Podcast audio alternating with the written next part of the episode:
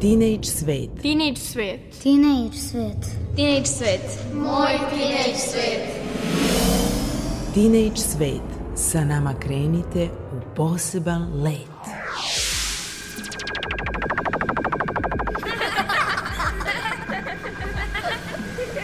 Kreativan deči svet.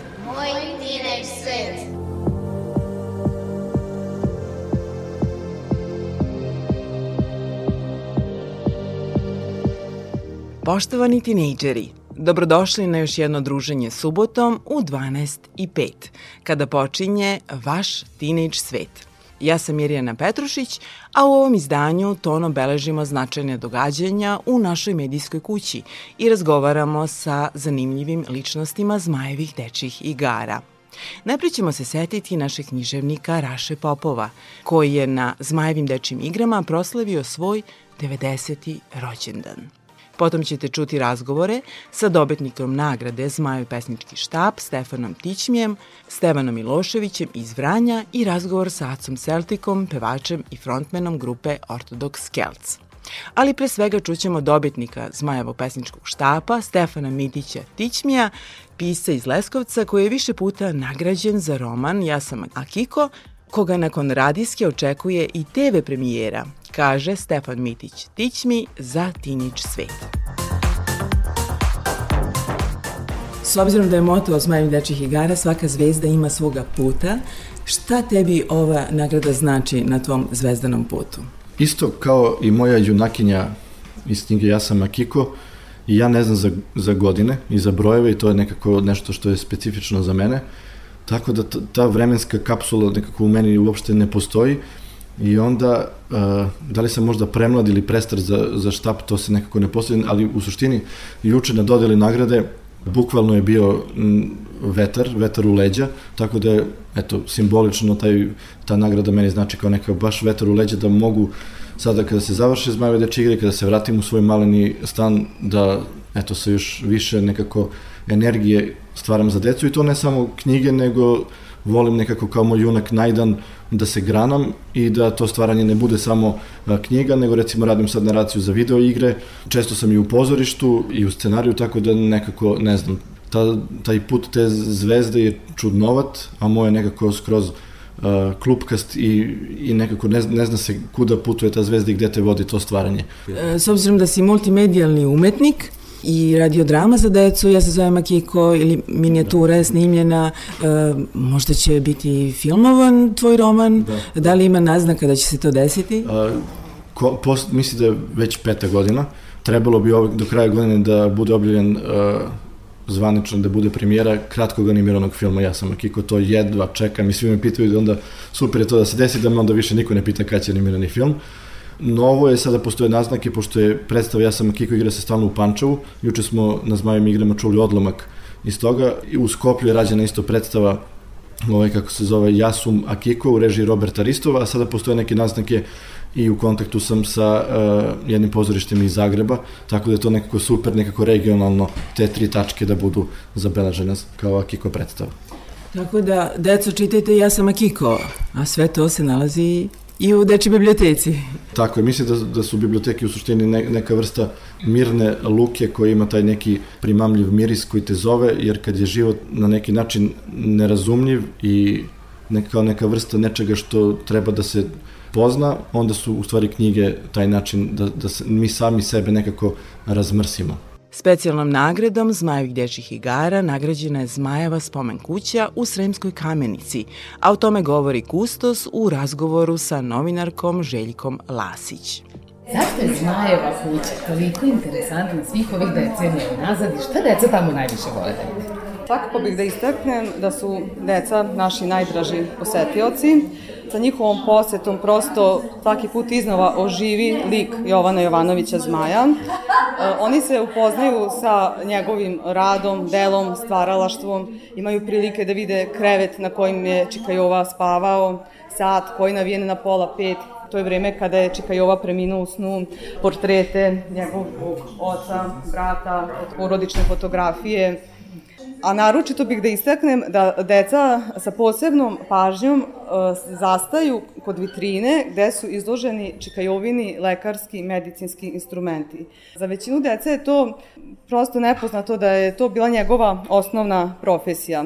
Tu vide s kojim granama medicine se Čikajova bavio i e, naravno na kraju posete ono što najviše vole je da malo prošetaju kroz dvorište, da stanu ispod kruške koja još iz čekajovinog perioda, koja je inače pod zaštitom države i da imaju jednu celokupnu sliku gde je to Čikajova proveo poslednje četiri godine svog života, gde je preminuo, između ostalog, i gde je sahranjen, odnosno u Sremskoj kamenici, tako da često obiđu i njegov grob.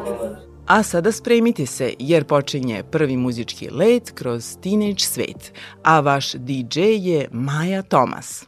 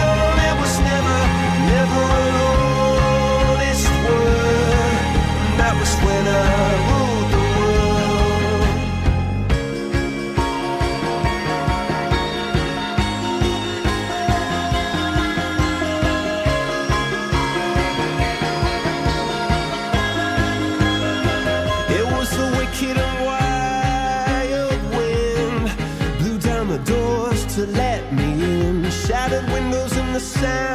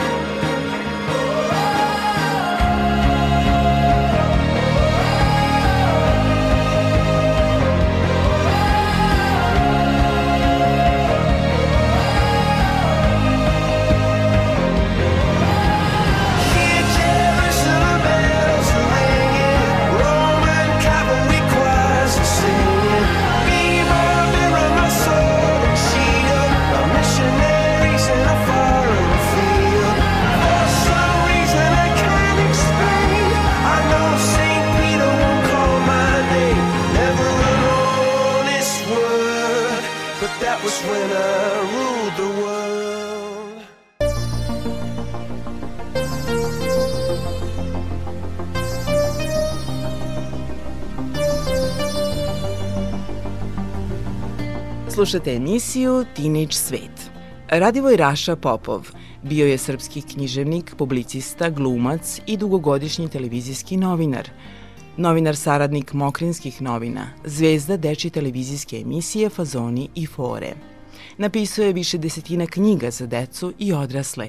Dva oka, Gvozdeni magarac, Žabac koji ne zna da ćuti, Šešir bez dna, Lažljiva usta istine, Vozom posred ulice, Peta vizija, Bio sam srećni konj, Bajke za 21. vek, Čarobnjakov SMS, Zadimljena istorija, Opasne bajke, Sofijine ljubavi, Mokrinski patuljci i Usamljena princeza.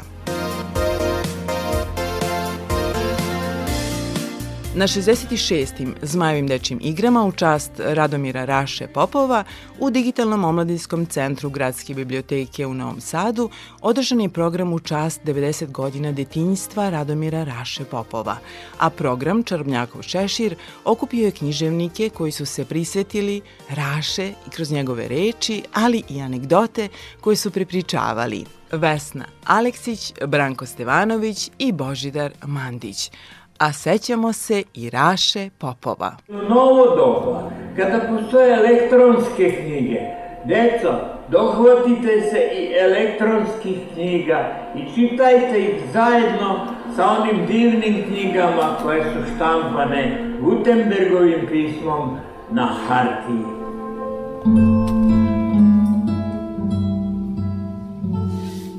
Ja sam imao tri godine i deset meseci kada je marta 1936. poštar iz Beograda doneo ovako debel paket, to ne može podići. To je bilo sve znanje. Ja sam imao nepune tri godine i naravno prvo sam se zalepio za zastave. Zastave su toliko šarene. Ja sam toliko voleo taj pir boja. A naročito sam voleo peruansku zastavu i brazilsku zastavu sa zvezdama na nebu.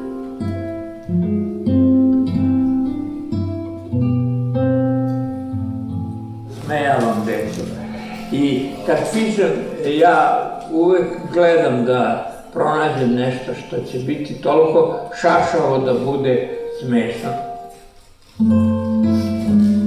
Pa, žive patuljci. To sam smislio mesec dana u oči svog 80. rođendana. Eto, to je ta stara istina. Što si stariji, što to se ranijeg detinstva sećaš. Kao 80-godišnjak ja sam zamislio jednu bajku za decu, mali roman za decu, Mohrinski patuljci.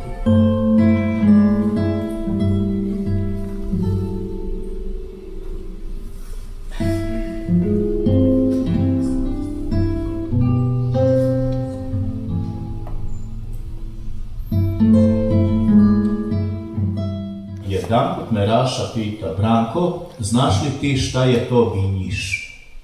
Kažu, kako ne znam, Raša, svi smo učili u, u školi iz Njegoševog gorskog vjenca, viđu u rada su sedam vinjiša. Dobro, dobro, jesmo učili, ali znaš li šta je to vinjiš? Opa, tu se ja zamislim, šta vinjiš? Prvo sam mislio da su neke toke. Onda povezivao sam vinjiš, vrnjica, slično zvuči, šta je vinjiš, neka alka? Ja kažem, Rašo, priznajem, ne znam. A on kaže, e to vidiš, ne bih ni ja znao da nisam čitao Gorski vjenc na nemačkom. Vidiš, to je pelerina, tamo lepo kaže, vidi vraga u sedam pelerina ili ogrtača. Tako sam ja doznao, kao mator čovjek, šta je to vinjiš? Onda sam pitao Rašu, dobro Rašo, ali odakle vam ideja da čitate Gorski vijenac na nemačkom? Raša kaže, hteo sam da vidim kakav je prevod.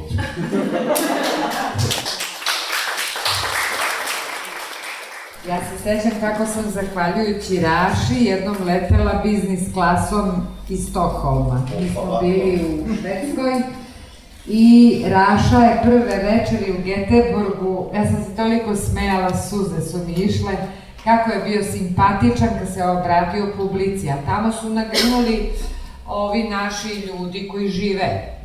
I bila je puna sala i Raša je rekao, pogledajte što imamo delo. kad sam krenuo, žena mi je rekla, ne moš Rašo ići u tom starom odelu, sve ti se sijaju fleke, nego ti uzme od baba odelo, i, a babo mi je umro još 63. I ja sam, kaže, uzeo to odelo i 63. Evo vidite kako mi lepo stoji. Tu naravno Raša dobija aplauz, svi su ga obožavali. Ja sam onda shvatila da niko od nas nema šansu da bude toliko spontan kao on. I onda smo na tom putu nešto zaradili po nekih 300 evra i Raša je rekao meni na aerodromu ja ću sada da kupim mom unuku laponski džemper. Ali reko Rašo, to je mnogo skupo, te prodavnice na aerodromu, potrošit ćete ceo honorar. Pa nema veze, ja njemu moram da kupim laponski džemper i to je to. Meni bilo žao za jedan džemper 300 evra, on je stvarno dao. I onda neki pilot sasvim slučajno ili stewardesa prepoznaju Rašu, a nas 5-6 je bilo s njim. I kažu Rašino društvo imaju trenutno biznis klasu, Raša Popov i ovi njegovi mučenici sad će da lete biznis klasom. Tako sam ja prvi jedini put letela biznis klasom. I naravno, posle toga je Raša meni napisao pesmu. Ja nisam nikad ušla u trag toj pesmi, ovaj, ali je došao i rekao je napisao sam ti ljubavnu pesmu, ali celu noć smo ja i moja žena se mučili oko te ljubavne pesme. Uglavnom, rekao mi je stih kako je taj naš avion dok je leteo, nije mogao da tresne jer je on sedeo pored moje veste. To sam bila ja. Tako taj put je meni ostao u sećanju koliko sam se smejala. A sad merim inače putovanja, uspešnost svakog svog putovanja merim po tome koliko sam se smejala. Tad sam se najviše smejala. Drago mi je da je Vesna pomenula gospođu Radu, Radojku, koja je ovaj, e, kako da kažem, bila večita Rašina inspiracija. Mislim da je poslednja njegova knjiga za decu, Čikarašine bajke, posvećena upravo njoj.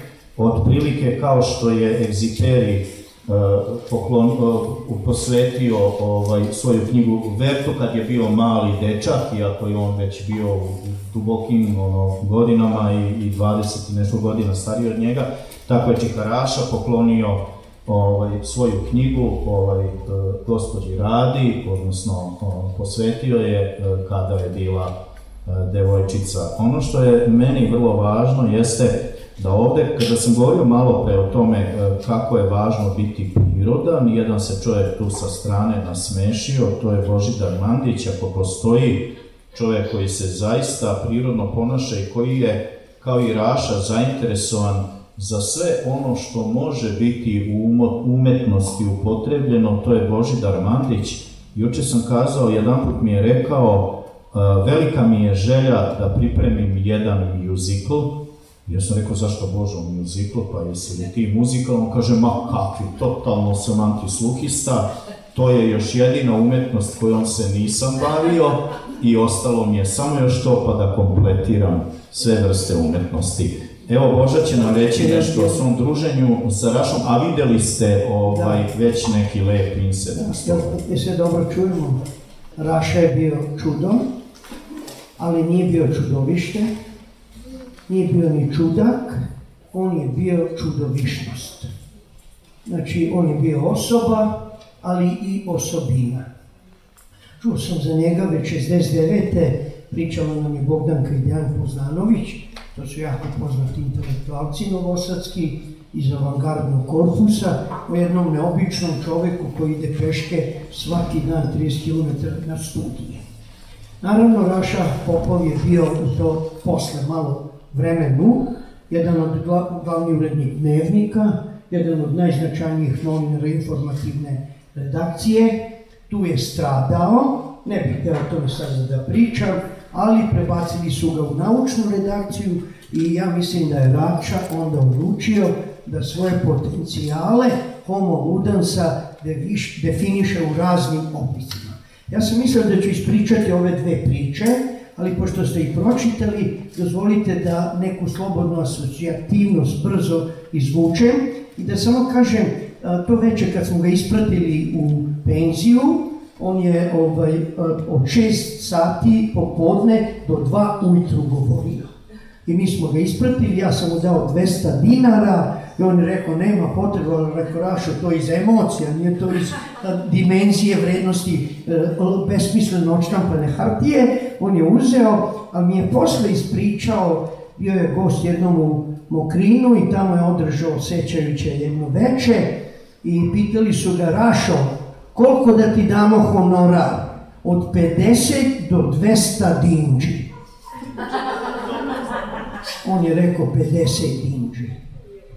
U svakom slučaju, jedna od najznačajnijih priča koju ja imam sa njim, uh, ja sam negde 85. On je bio glavni urednik Matice Srpske dve godine u izdavačkoj delatnosti, ne u instituciji, i ja sam mu ponudio svoju četvrt, četvrti rukopis dok isparava jutro i on mi odmah govorio telegram primljeno, e, zadovoljan sam i tako dalje. Prošlo 15 dana, on kaže, molim te dođi brzo u Novi Sad. Ja sam došao i rekao, imam jedan problem, pre pet dana donio je rukopis i tvoj rođeni brat Miroslav Mandić.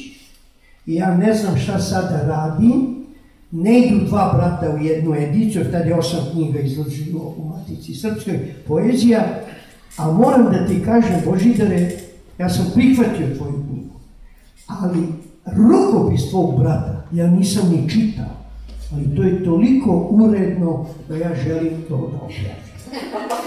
Ne, ne, ne, verujte, to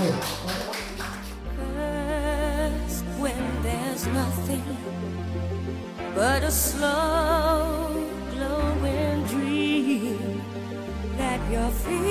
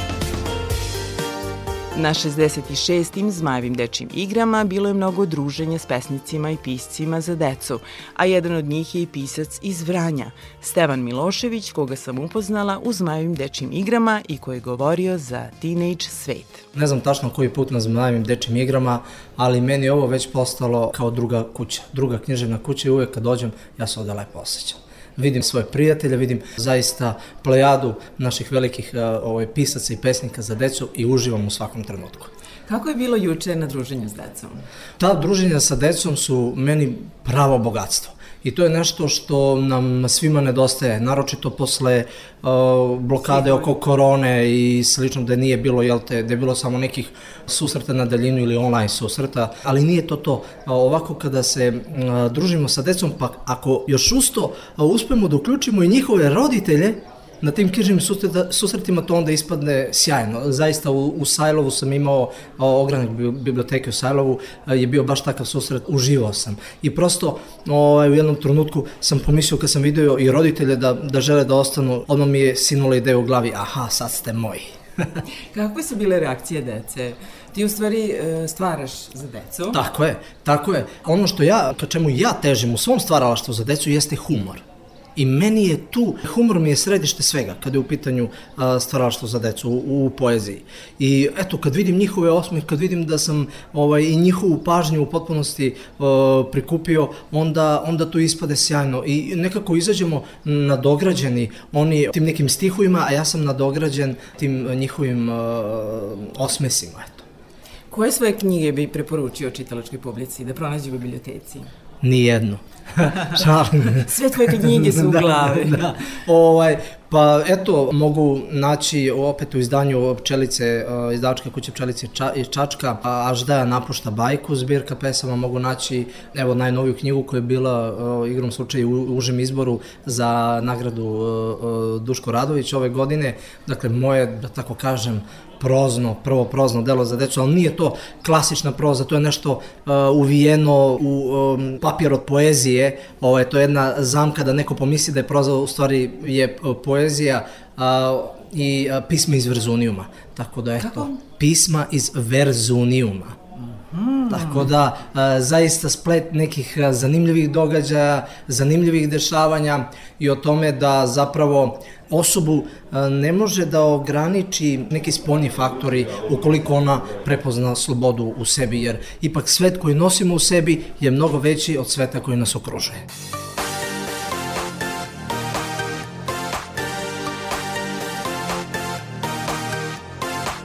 U pozorištu mladih u Novom Sadu na Zmajim dečim igrama izvedene su i brojne predstave u kojima su učestvovala deca, a među njima i Zmaj Dama i ostala banda dramskog studija pri biblioteci Branko Radičević u Derventi, a to je bio i povod da nakon ove divne predstave razgovaramo sa glumcima tinejdžerima.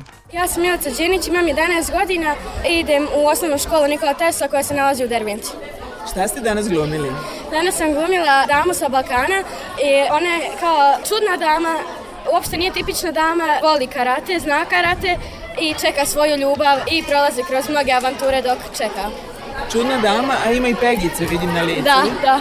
I dva repića, jednu lepu belu haljinu koja izgleda kao venčanica. Da. Da li bude neko venčanje na kraju možda?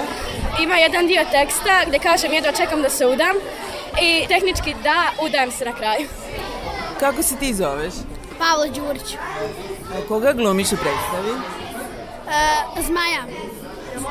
Od, no, od Novog Sada. Pa da, svašta pitam, vidim, sam si u zelenom, imaš nešto iscrpano po licu. A kako je bilo danas? Kako su bile reakcije publike? Super su bili, vidim se svidilo predstava. Koliko dugo se baviš glumom? Pa jedno godinu i pol. I gde ste sve glumili do sada? Glumili smo u Kostajnici, glumili smo u Prnjavaru, u Derventi. Super. Dobro. U koju školu ideš? 19. april u Derventi. Imaš li neku poruku za buduće glumce, pošto vidim to tebi dobro ide, šta je bitno za glumu? Pa da se nikad ne predaju. Nikada ne kažu teško mi je ovo, na primjer. Sve je lako kad Da. se igraš, Jest. a gluma je u stvari igra. Jest. Hvala ti puno. Samo tu igru preneseš na nekog drugog. Odlično. Hvala puno i puno sreće u daljoj karijeri. Ooh,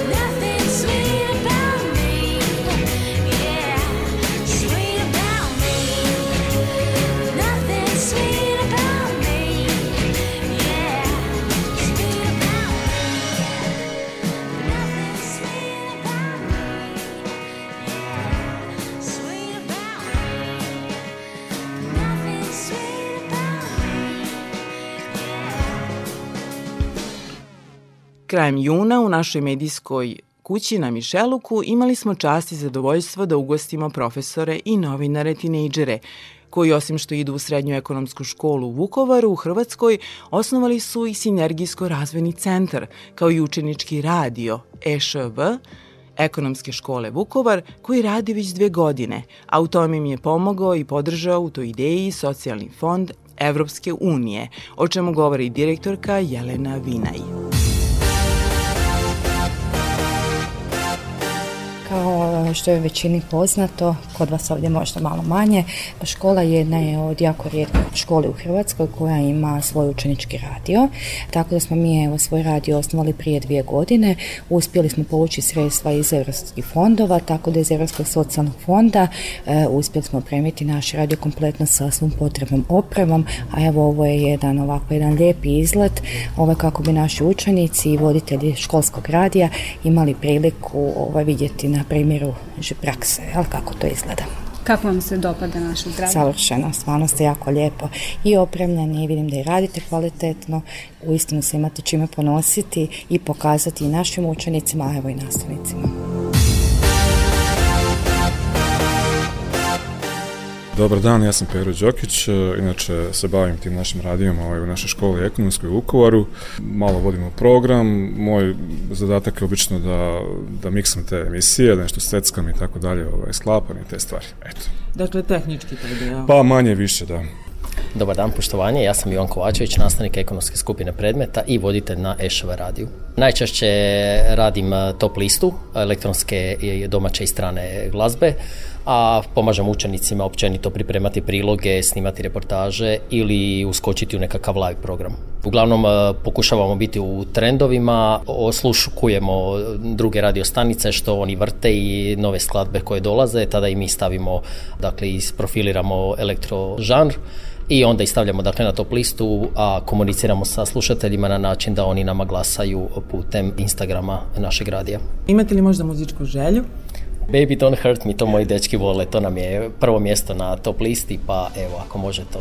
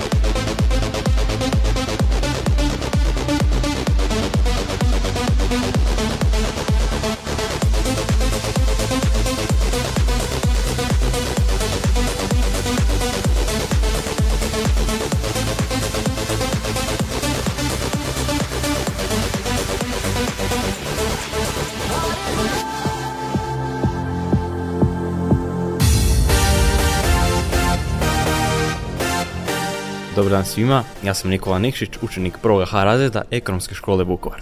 Čujem da si i ti ulazi radiovoditelja, imaš svoju emisiju.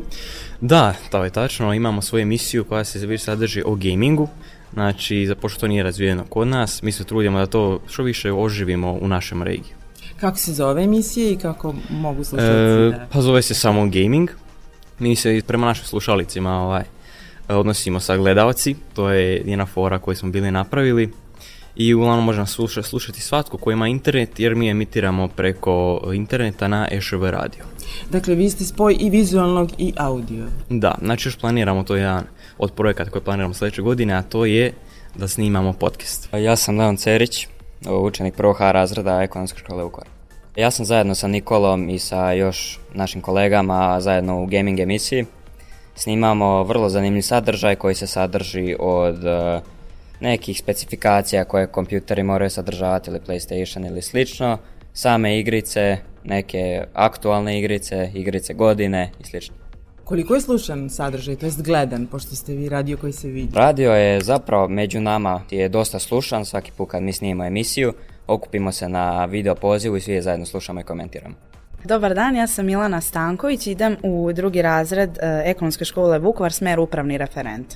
Volela bih biti advokat, studirala bih ovdje u Novom Sadu, ako ne to onda nešto vezano za radio, to me isto interesuje. Pa mi smo možda budući koleginice. Daj Bože. Šta ti radiš konkretno na radiju, kojim temama se baviš?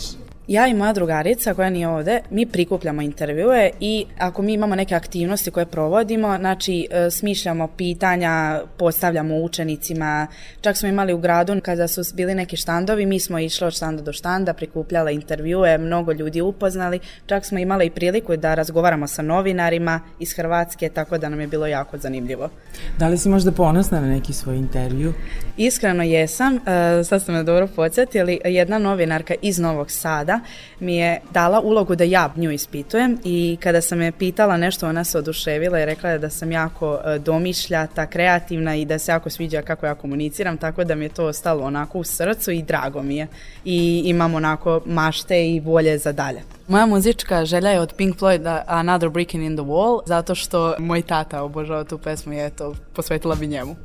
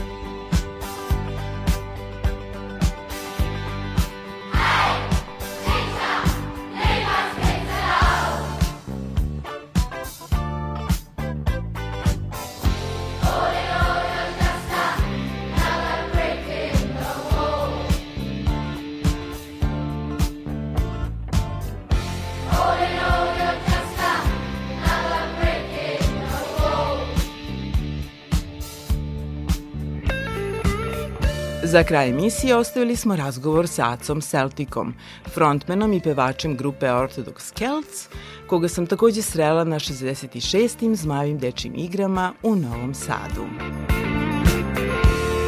Dobar dan, poštovani slušalci, dragi tinejdžeri. Jedan slučajni susret i kre mene je Aca Celtic. Ništa nije slučajno, ne. ništa nije slučajno. Iz Ortodoks Kelca koji će nam pričati malo o sebi i o svojoj muzici. Kako se to našao u muzičkim vodama i opstaje već toliko godina? Nije sad pitanje kako sam se našao u muzičkim vodama, to je nešto što je bilo deo mog života od rođenja pa nadalje. Ja sam uvek živao sa, sa muzikom na ovaj ili onaj način. I uvek sam e, slušao muziku pre svega, pokušavao da razumem muziku, što je možda najvažnije u celoj priči, jer kasnije kad počnete se bavite muzikom i ako se bavite prvenstveno rock and rollom u najširem mogućem smislu, jel, morate da, da znate čime se bavite i sa čime imate posla. Dakle, i tekst je nerazdvojni deo jedne pesme. Sve to su u stvari neki preduslovi za, za uspešno bavljanje muzikom. Dakle, pre svega naslušanost onog žanra kojim ćeš se baviti. Bez obzira da li je to klasična muzika, odnosno, ja više volim da kažem umetnička, pošto klasična sad već i, rock and roll postaje klasika. Da li je rock and roll, da li je pop, da li je alternativa neka i tako dalje. U svakom slučaju morate biti prilično dobro potkovani pre svega slušalački, pa onda uh, krenuti da se bavite uh, sobstvenim autorskim radom, mada taj autorski rad dođe samo od sebe u suštini. I Mozart je uvek govorio kako on uh, ne komponuje, on ne čeka inspiraciju, nego čuje celo delo odjednom i smatrao je da, da dolazi iz nekih viših sfera, da je on samo provodnik do slušalaca, odnosno do publike. Uh, ja recimo tako pišem moje pesme vrlo redko, vrlo, vrlo redko dorađujem ili dopisujem i obično, obično cela ideja bude uobličena vrlo brzo. E sad, ono što, što bih ja negde naglasio, kad pričamo o, pre svega o rock and rollu, ja ne volim da kažem recimo da sam, da sam pevač jer nisam, ja nisam školovani pevač, ali sam frontman. I to je recimo velika razlika biti dobar frontman ne mora da znači da si dobar pevač i obrnuto, a, u rock and rollu je emocija i pre svega ta sposobnost da od drugih upiješ energiju i da im pružiš svoju, uh, ona ključna stvar. E, to dobar frontman radi pre svega. Da li se ideja da pevate na engleskom i baš tu specifičnu vrstu muzike rodila u teenage dobu ili kasnije? Mene su moji upisali na engleski sa tri i po godine. Kao da su znali šta će da se dešava. Tako da meni engleski nikada nije predstavljao problem. S jedne strane, mada sam ja u školi učio ruski. Tako da sad mogu da kažem da sam onako polupoliglot svirati uh, nešto što se zove Irish folk, kako god to za, ili Celtic rock ili šta god, a ne pevati na izvornom jeziku je onako malo čudno. Nije da nismo probali, probali smo da po neki tekst da prevedemo na srpski, ali to stvarno nije to. E sad, kad već ne znamo gelski, onda je najbliže tome ipak engleski, a svi utica i svi naši uzori iz tog miljeja su e, na engleskom, tako da to je jedan opšte prihvaćeni standard da se, da se Irish folk peva na, ili na izvornim jezicima kelskih zemalja ili e, na engleskom, tako da nije tu bilo mnogo razmišljenja. Pretpostavljam da na vašim koncertima širok raspon generacija, od tinejdžera O, do da. starijih. O, da. Da, ali je interesantno da je prosek godina u tim prvim redovima uvek ostaje isti. Tako da, e, nekako, kad, kad gledate publiku, stalno se rotiraju. I onda oni koji su prošle godine bili u prvom redu, uh, ove će biti u drugom, u sledeće godine će biti u trećem i tako dalje, a neki istog broja godina koji su oni imali u tom trenutku kad su bili u prvom redu će zauzeti njihovo mesto. I tako da, uh, s te strane gledano, uvek nam je publika mlada, lepa i, i dobro raspoložena. A tinejdžeri su u prvim redovima, tako? Uvek. Pa dobro, to je negde, to je negde i logično. Mada, moram da priznam i ja sa svih ovih mojih xx godina, koliko god imam, umem da, da poludim na, na, na nekom od koncerta pa da se probijam u prvi red, ali to, su, to je sad već stvar ukusa, a mada su moji heroji sad već prilično u poznim godinama, pa sad i tu ima neko, dolazi do nekog smirenja, ali mislim da, mislim da to zaista ne zavisi mnogo od godina. Ako vas muzika, ako vas emocija, tu, tu više nema racionalnog razmišljenja. I da preporučimo tinejdžerima, evo šta biste odabrali za emisiju Teenage Svet? Šta da pustimo iz vašeg repertoara, a da je the best? A, da, ako ćemo baš the best, onda Far Away. A ako, mislim, ali to je neka, ajde da kažemo, najšira slika i to je, to je ta pesma koju, koju publika imenuje kao the best. Ja lično najviše volim pesmu King of the Hill. Pa sad, Mada ima i onih intimnih koje, koje možda nisu baš ovaj, zaemitovane na radio svaki čas, ali, ali ovaj, imam jednu koju sam napisao moje gospođi, imam jednu koju sam napisao moje deci, tako da m, ima tu raznih stvari. Ali odlučite sami u principu, ali opet kažem, ako je baš best of, onda je ipak taj far away. Hvala puno. Hvala. It's been hours since midnight, but I don't care too much.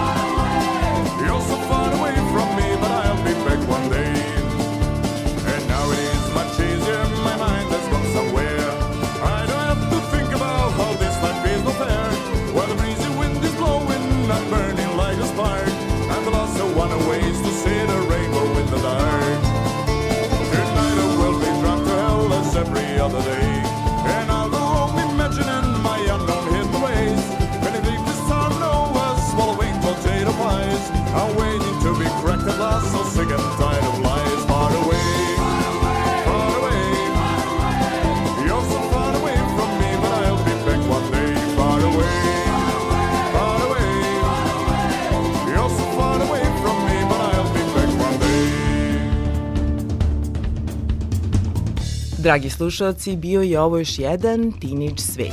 Hvala vam što ste bili sa nama i ove sedmice u svetlosti Etra i čujemo se subotom u 12.05. Pozdravljuju vas muzička urednica Maja Tomas, ton majstori Toma Tomov i Daniel Šaš i autorka emisije Mirjana Petrušić. Do slušanja! Far away,